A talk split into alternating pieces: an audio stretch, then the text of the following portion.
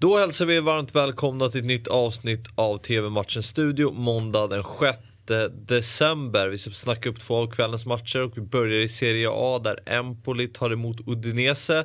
Ett Empoli som eh, Christian eh, berömmer här innan, snackar om att det är bra om man är en svensk eh, och är talangfull så är Empoli en bra destination. För det är en oerhört välskött förening och tydlig idé.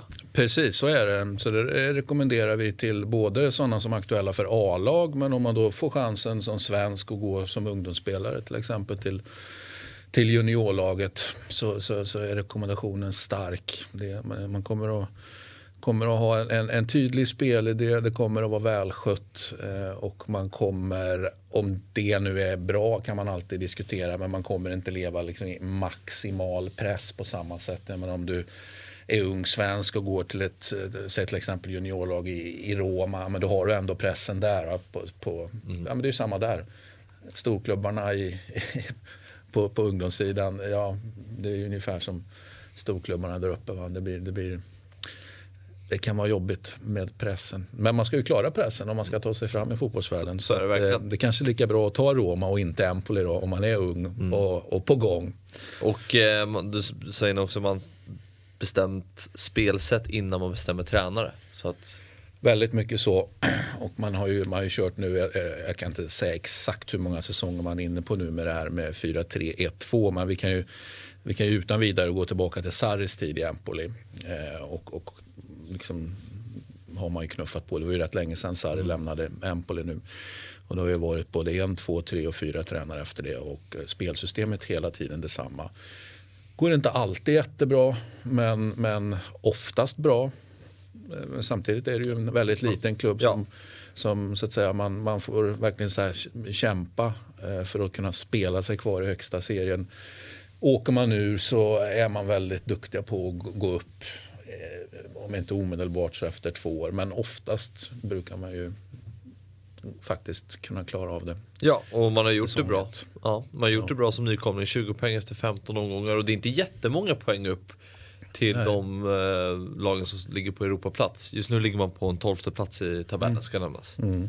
Ja, Europa, alltså Europa ska ju inte kunna hända. Med det sagt så, ja. så har det ju faktiskt hänt en, en gång tidigare då. Men det, det var ju då i kölvattnet på Calciopoli, eh, så stora spelskandalen och så vidare. Som det, där blev det ju att man, ja, klubbar fly, poäng bestraffades ju liksom höger och mm. vänster och så vidare. Och då var självklart Empoli inte involverat i det. Utan välskött, cleant och så kunde man ju faktiskt få, ehm, få kvala då den gången. Men, men det kommer inte hända igen. Det ska inte kunna Nej. hända igen. Udinese då? Eh, vad, vad, står, vad står de? Vi pratade om dem förra veckan och mm. eh, de resultatraden är ju inte jättebra. Det var en helt galen match mot Lazio senast och slutade 4-4 efter ett eh, väldigt sent eh, kvitteringsmål. Ja. Uh. Och det kan man ju säga att när du har lätt att bli ifattsprungen och, och förbisprungen men ändå klarar av att hämta hem den här. Det, det, normala är ju att du inte klarar av att när, när, när, när motståndaren suger in ditt försprång och går förbi, då brukar det vara kört. Mm. Så det kan man ju faktiskt säga att, att det faktiskt tyder på någon slags mental styrka och även om det också tyder på mental svaghet och, och liksom släppa iväg eh, en, en, en sån ledning som han gjorde. Mm vunnit en match sedan 12 mm. september. Mm. Men du sa senast att man inte ska vara orolig att resultatet nej. kommer komma. Men... Nej, nej, jag är inte orolig. Samtidigt så, eh, så är det ju inte att rekommendera att ha sådana här långa sträckor utan att, utan att segra. Liksom det, det kan ju liksom sätta sig i huvudet på spelarna, absolut. Men jag säger att spelarmaterialet är bra. Stora avbräcket möjligtvis då är ju att man blev av med eh, eh, Depol till Atletico Madrid som vi pratade om senast när vi pratade, när vi pratade Udinese. Så att, eh, men jag tycker inte att det ska behöva betyda liksom så mycket. Utan man har, man har ju, och han fanns ju där redan i fjol, Pereira. Mm. Som, som då liksom, det vill ju till att Pereira liksom, jag ska inte säga steppar upp för han har spelat väldigt bra men det vill ju till att han kanske inte är för mycket skadad. Nu har ju mm. Pereira varit om man tittar på den här perioden du pratar om när det inte har varit segrar så har ju Pereira varit frånvarande x antal matcher och eh, man vill ju ha Pereira, M, eh, förlåt mig, Udinese vill ha honom på plan så mycket som möjligt såklart. Mm. Vad tror du slutar då?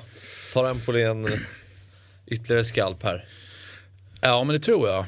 Eh, jag tror på Empoli i den här matchen. Det är ju återigen hemmaplan. Eh, det, och de är i bra, de är i bra slag faktiskt och har fått eh, spelare som man kanske funderade över. Men kommer de här liksom insomnade storlufterna eh, ja, Pinamonti bara för att ta en till exempel. Ja, men kommer de, liksom, har de fortfarande en växel kvar? Kommer det hända mm. någonting? Mm. Ja, det har ju faktiskt hänt saker och ting den här säsongen med de här. Cotrone är ju en annan då som också insomnat storlufte. Liksom. Som, de rör på sig faktiskt båda två. Liksom. Kanske mest Pinamonti då. Mm. 18.30 börjar matchen och ni ser den på Simor. Eh, nu till Premier League och mötet mellan Everton och Arsenal och det är ett hemmalag som är i riktigt dyster form. Eh, åtta raka matcher utan seger varav två, eh, endast två matcher har man fått med sig poäng så det är väl egentligen bara en tidsfråga känns som innan Benitez får flytta på sig.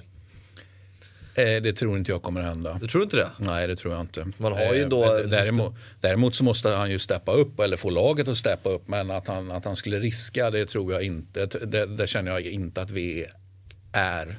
Nej. Sen vi kommer att komma dit, men jag tror att det kommer att krävas mycket för att han ska få gå. Ja, men man ligger ändå på en 16 plats, man har fem mm. poäng ner till uh, nedflyttning mm. och då är, ganska, då har de här bottenlaget varit dåliga så det är väl lite det man räddas av att det är inte färre ja. poäng ner egentligen. Ja och ligger man där man ligger det är ju, det är ju ofrånkomligt så att diskussionen eh, kommer måste komma, ska komma om att ja, men är det dags att, att flytta. Men, men jag försöker någonstans läsa situationen och mm. säga att ja, jag tror att man ändå är trygg i att han är ett bra så att säga, kort på, på, på, över, över, tid helt enkelt. Då, va? Men det vill ju till att klubbledningen är, är kall här och mm, liksom, ja.